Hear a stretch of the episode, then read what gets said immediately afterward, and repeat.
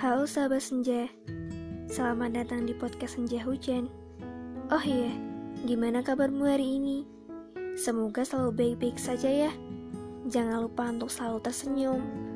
Pokoknya jangan bosan deh buat dengerin suara aku. Selamat mendengarkan.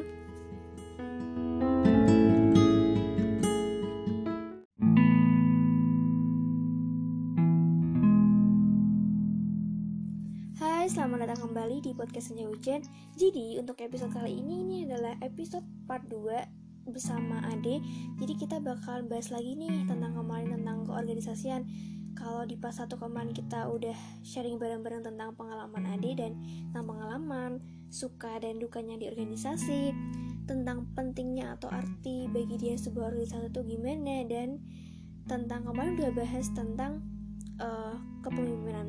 Jadi ini nanti bakalan langsung nih dibahas selanjutnya nanti tentang koordinator di departemen, tentang anggota departemen dan juga anggota biasa. Halo Ade. Hai Kak Ai, hai teman-teman. Halo. Balik lagi sama aku. Ya. Pokoknya jangan bosan buat dengerin suara aku dan suaranya Ade ya. Oh ya kemarin kita Jangan ngomong bosan deh. Kemarin kan kita udah ngobrol nih tentang pengalaman dan yang lainnya. Maksudnya bisa tuh dilanjutin kemarin kita sampai ke pemimpinan. Mm-mm. Kita kemarin terakhir terakhir eh, kita kemarin terakhir Mm-mm. bahaskan tentang eh, pemimpin yang udah nggak sanggup Iya, memimpin organisasi itu lebih baik mundur. Iya benar. Itu aku jadiin kriteria terakhir buat pemimpin sih. Terus Mhm. kita kita secara langsung ke departemen, departemen bidang atau apa pun itu. Oke. yang yang sejenis gitu loh kan pasti ada koordinator departemen itu Mhm. biasanya kalau misal si pemimpin ini ngasih tugas buat masing-masing departemen itu pasti ngasihnya paling pertama ke koordinator atau ketua eh, departemen Hmm. ketua bidang gitu terus yang menjadi kriteria si ketua bidang ini tadi atau yang harus dilakukan kalau dia udah kepilih jadi ketua bidang?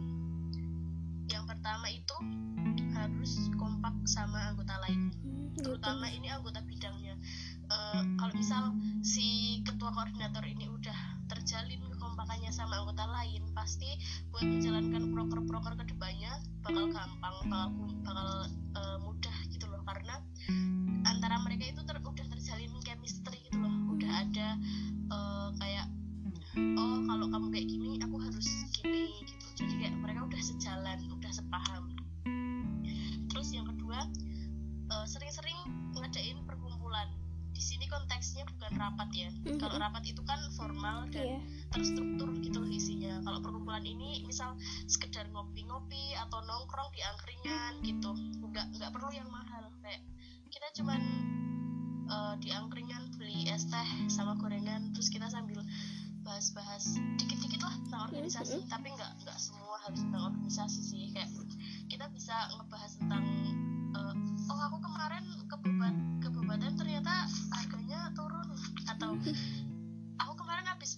jiwatos nih kamu besok mau beli barang aku nggak gitu kayak Untuk mengerahkan diri. kegiatan-kegiatan harian kita gitu bisa Mhm. bisa kita obrolin biar juga kita semakin deket terus kita bisa tahu kepribadian sesama departemen kita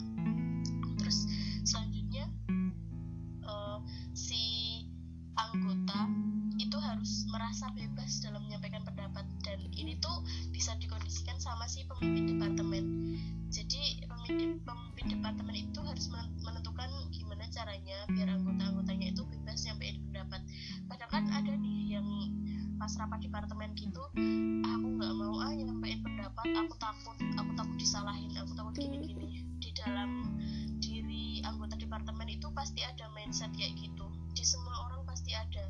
Kalau misal pertama mereka baru rapat gitu loh baru rapat pertama kali pasti Hmm. mereka kayak gitu. Nah itu dituntut pelan-pelan sedikit dikasih paksaan.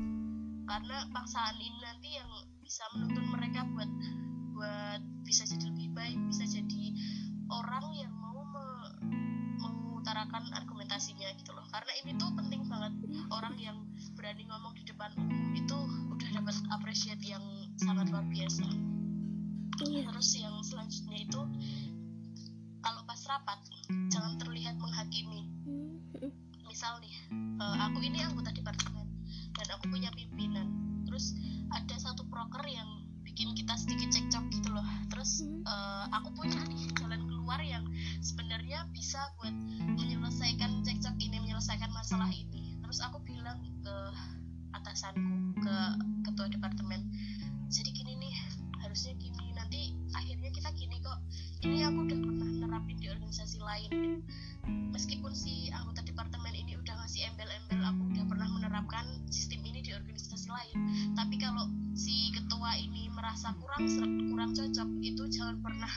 langsung nolak argumennya. Terima dulu diolah dulu. Gimana baiknya? Oh gini baik nggak ya? Kalau misal udah bisa diterap dia kan bilang tadi udah bisa diterapin di organisasi lain sistemnya dia. Terus si ketua ini nanya sistemnya kayak gimana? Terus feedback buat masing-masing anggota itu apa? Kalau misal eh, aku bisa ngasih eh, feedback bisa ngasih penjabaran yang baik gitu loh dan bisa meyakinkan ke ketua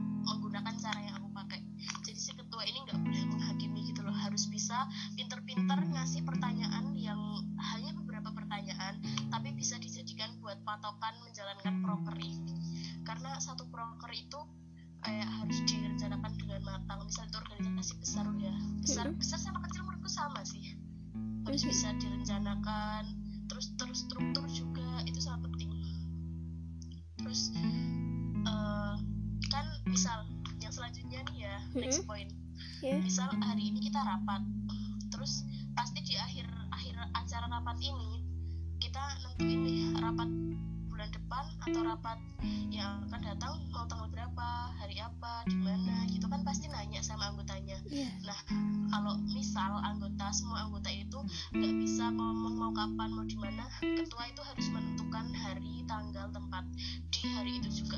Kayak nggak boleh bertele-tele misal udah terlanjur malam gitu loh itu harus tetap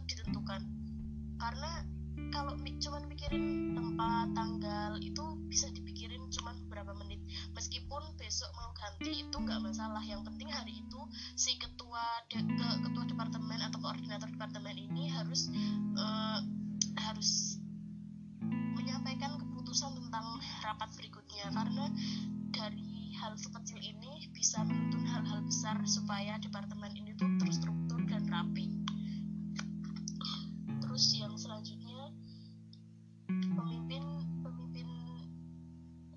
departemen atau koordinator departemen harus lebih banyak mendengar daripada bercerita biasanya kan yang dijadiin koordinator departemen ini yang banyak pengalaman yang Iya. udah tinggal lama di organisasi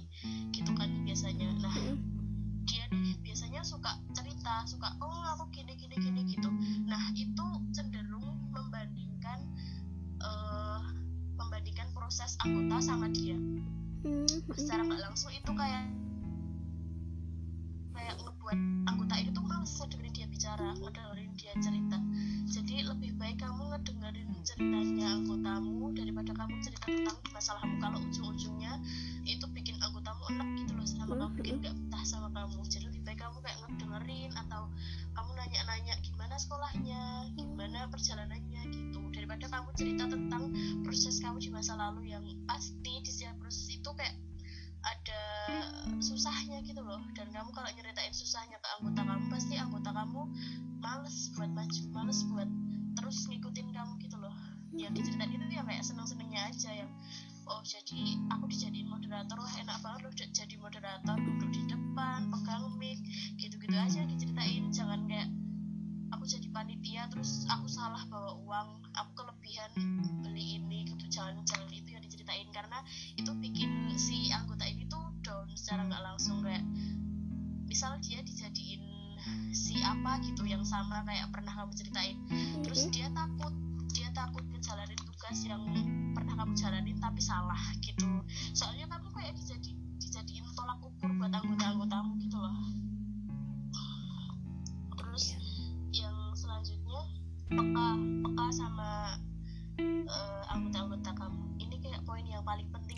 poin bener. yang jarang jarang diperhatikan tapi sangat-sangat penting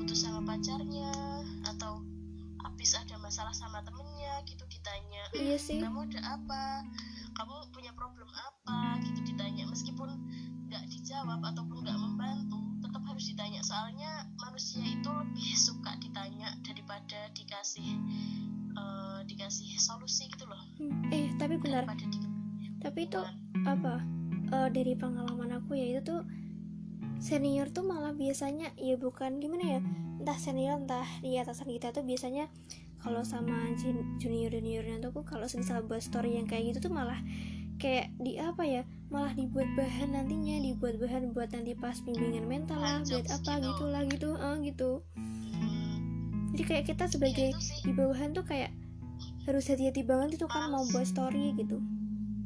Heeh, kayak apa sih masa aku cuma dilihat dari story gitu kan? Mm-mm. nah iya itu makanya si ini tuh harus punya rasa peka gitu loh. Terus dia kan harus bijak pemimpin itu kan harus bijak harus bisa memposisikan dirinya sebagai pemimpin gitu loh yang di episode pertama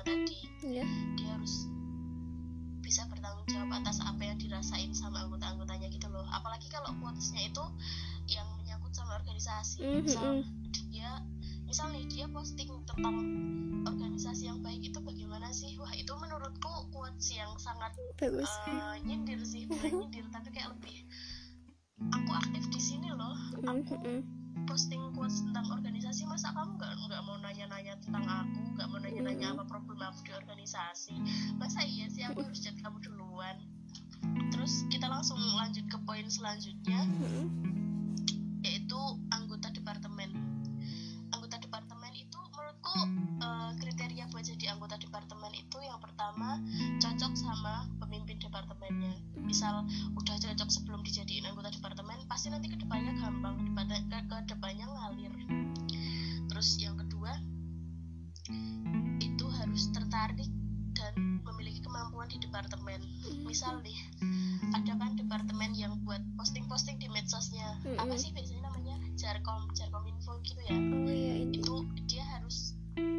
kalau jarkom itu yang pertama dia harus punya skill dia harus punya skill editing ya biasanya. Mm-mm, bener. Terus yang kedua itu dia harus eh, mau meluangkan waktu buat edit-edit terkait sama organisasinya dia terkait sama departemen dia. Itu dia harus tertarik dan punya rasa cinta di departemennya itu. Terus nanti ke depannya bakal gampang. Yang kedua harus mau mengemukakan pendapat atau ide? Kayak yang tadi di ketua departemen kan ketua departemen harus mampu menerima pendapat argumen dari si anggota. Nah anggota ini harus mau menyampaikan pendapat dan argumennya sama ide-idenya dia. Karena ide-ide itu biasanya munculnya dari anggota-anggota yang biasanya pasif. Anggota-anggota pasif ini sebenarnya punya ide-ide cemerlang yang bisa bikin maju di organisasi gitu. Tapi mereka sangat-sangat jarang buat ngasih pendapat ngasih ide sangat-sangat jarang. Iya, biasanya benar. sih kayak aku malu aku nggak mau aku takut disalahin gitu. Padahal dia padahal mereka tuh belum nyoba. Terus yang selanjutnya dia mau mampu berani memberi sanggahan pada koordinator jika dirasa ada kesalahan. Misal dia ngasih pendapat apa gitu terus si koordinator ini tiba-tiba nolak tiba-tiba langsung nolak. Ya di sini ada kesalahan dong. Kenapa kok pendapatku langsung disol- langsung ditolak? Padahal pendapatku ini terkait sama yang lagi dibahas. Nah ini dia harus mau ngasih argu eh mau ngasih sanggahan eh, memberi ke memberi pertanyaan ke koordinator departemen kenapa? Kok aku nggak diterima? Kenapa Mm-mm. pendapatku kok langsung ditolak organisasi yang biasa ya maksudnya. Mm-mm. eh di sini enaknya nyebutnya apa ya anggota anggota Apa? biasa itu? Anggota gitu anggota aja ya? gitu ha, anggota. Mm-mm. anggota departemen ini harus bisa akrab sama anggota biasa. Soalnya kayak yang bikin anggota biasa akrab sama pengurus itu ya anggota departemen ini. Karena anggota departemen yang menurutku langsung turun ke bawah langsung turun ke anggota-anggota biasa dan anggota biasa ini mampu menjalin uh, komunikasi yang baik mampu mem- membentuk relasi yang baik gitu loh buat kemajuan organisasi ini yang megang yang kayak kunci utamanya itu di anggota departemennya. Oke kita lanjut ke poin selanjutnya. Anggota anggota di sini yang dimaksud itu anggota biasa ya. Mhm. ini tuh mereka tertarik masuk biasanya karena ketua itu datang. Ketua itu eh, gimana ya kayak punya karisma. Pokoknya karena fisik lah karena menarik gitu loh bukan bukan karena organisasi yang dia pimpin. Mhm. terus di tengah jalan nanti mereka bisa kayak berganti tujuan gitu loh yang awalnya pengen ngeda- ngedapetin si ketua ini tadi di tengah-tengah mereka bakal ganti tujuan. Kalau mereka belajar benar-benar belajar ya di organisasi iya. mereka bakal ganti tujuan untuk oh aku gabung organisasi biar aku bisa ini aku bisa itu gitu. Jadi tujuannya bukan si ketua. Kalau ini ini eh, gimana ya? Apa? Kayak kata motivasi bukan motivasi. Mhm. dari aku sendiri sih. Kalau kamu masuk di organisasi terus kamu nggak dapat ketua Mhm.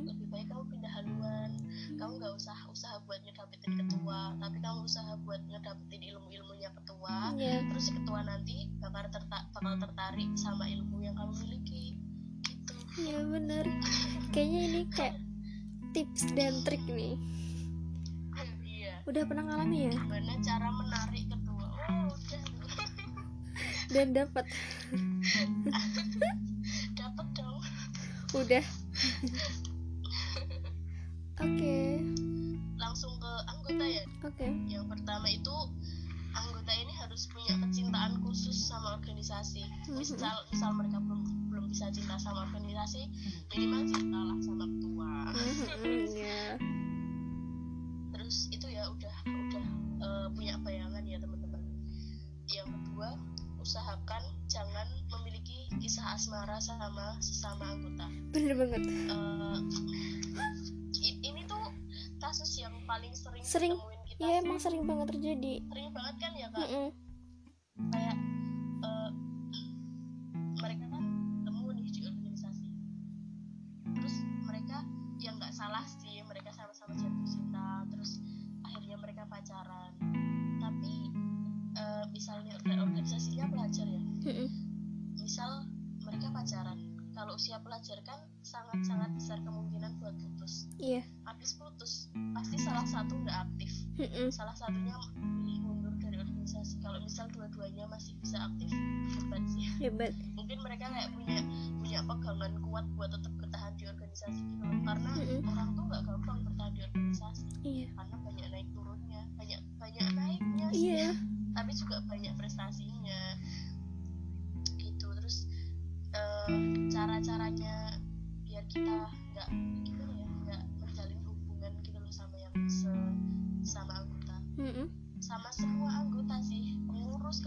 juga termasuk anggota Baik senior, mereka ya. punya jabatan.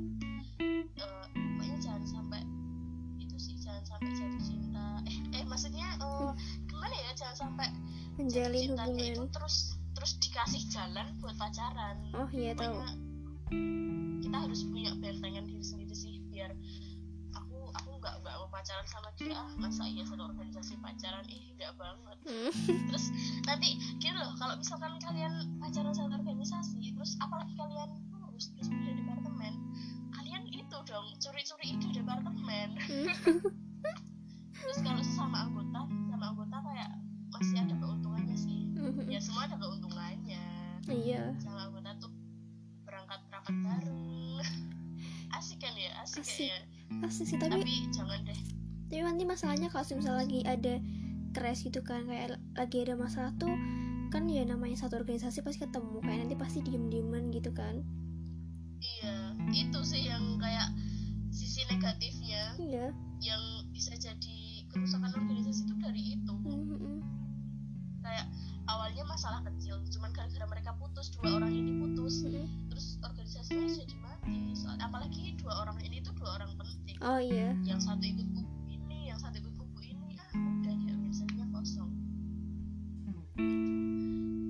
Terus yang ketiga ini jujur sama orang tua tentang kegiatan organisasi. Hmm. Terus yang tadi dijelasin di, di part satu itu ya uh-uh. episode satu tentang strict parents itu loh. Mm-hmm. lumayan panjang sih aku jelasinnya. Iya. Yeah. terus jadi di sini aku skip aja. Terus uh, tanamkan pada diri sendiri bahwa aku yang butuh organisasi bukan organ bukan organisasi yang butuh aku. Mm-hmm. ya misal uh, kamu nggak berangkat rapat nih. Kan rapat itu sifatnya wajib ya. Yeah. kamu nggak berangkat rapat. Terus misalkan uh, kamu mikir gini ah aku nggak berangkat rapat. Ah pasti nanti dicari teman-teman pada mohon-mohon biar aku berangkat rapat. Mm-hmm. ya ngapain? Mohon-mohon. Bukan kita yang butuh kamu tapi yeah. kamu ya kadang emang Kalo ada pemikirannya kayak gitu. Punya mindset kayak gitu pasti kamu nggak bakal bisa ninggalin organisasi ya susah gitu loh.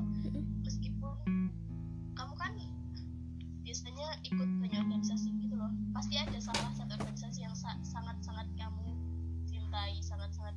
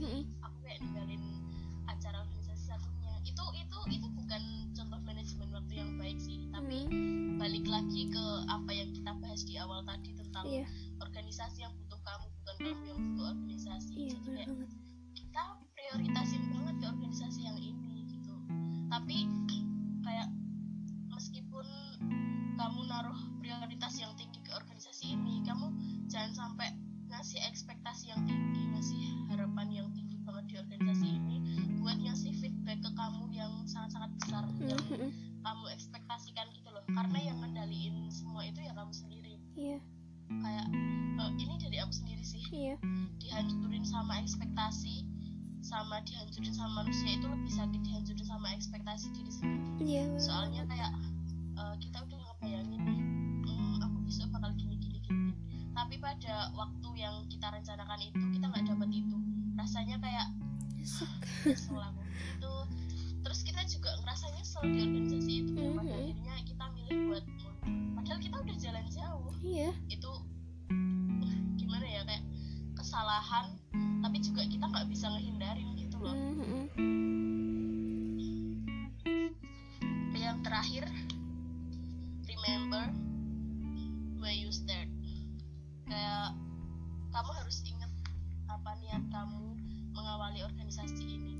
ini nggak bisa dilihat dari awal dia masuk tapi bisa dilihat dari awal dia berproses di organisasi ini. Kayak kan tadi kan kita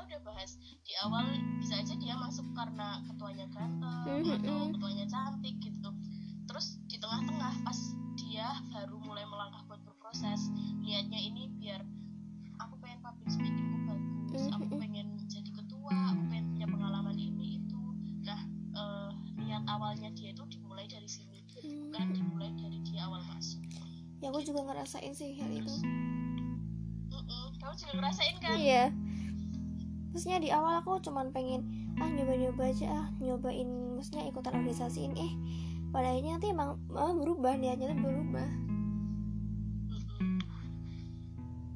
itu sih kayak niat itu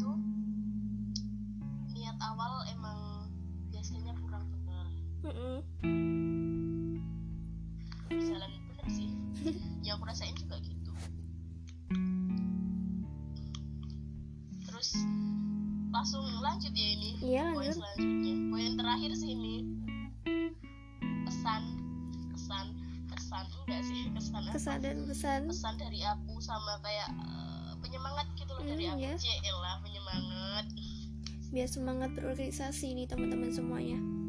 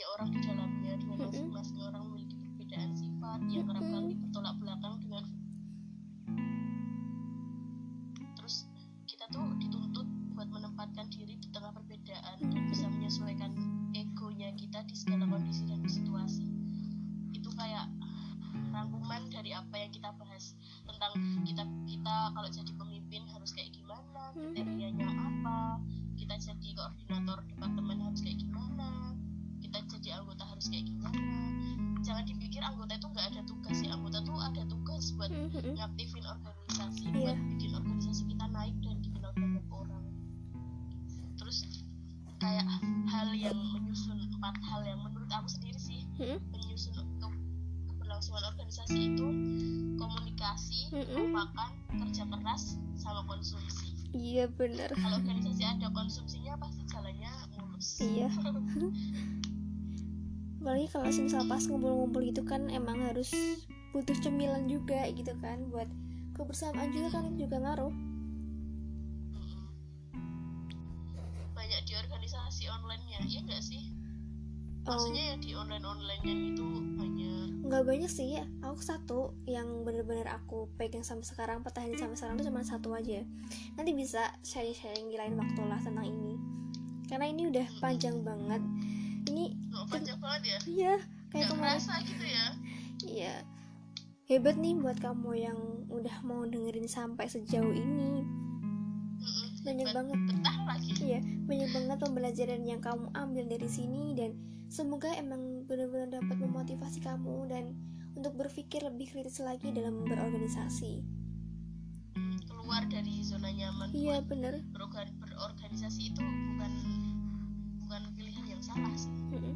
eh iya ini nanti rangkuman materinya bisa dilihat di IG aku ya Iya, nanti Astrui ya nanti bakalan aku uh, tulis di deskripsi podcast. IG-nya nanti aku kasih di highlight Oke, biar bisa dilihat gitu. Oke, mungkin uh, episode podcast bersama Ade sampai di sini. Terima kasih ini udah banyak banget motivasinya, banyak banget pelajarannya yang telah kamu sampaikan di sini. Semoga bermanfaat dan teman-teman jangan lupa untuk mencoba berorganisasi. Ya, aku tahu sih organisasi itu kan pilihan kamu, tapi sebisanya tuh cobalah coba buat keluar dari zona nyaman gitu kan karena nggak salah buat berorganisasi itu nggak salah karena kamu bakalan Iya. menemukan banyak hal baru banyak menemukan tantangan baru dan keluarga baru tentunya gitu oke eh, kita akhiri aja podcast episode podcast pada kali ini jangan lupa buat stay terus pantengin eh, podcast senja hujan. Dan jangan lupa buat share ke teman-teman kamu supaya podcast ini lebih bermanfaat dan juga dikenal banyak orang gitu kan. Karena akan akan ada banyak hal yang bakalan dibahas lagi di sini dan semoga memotivasi kalian semua. Jadi jangan lupa dan jangan bosan buat dengerin suara aku ya. Sampai jumpa. Sampai jumpa teman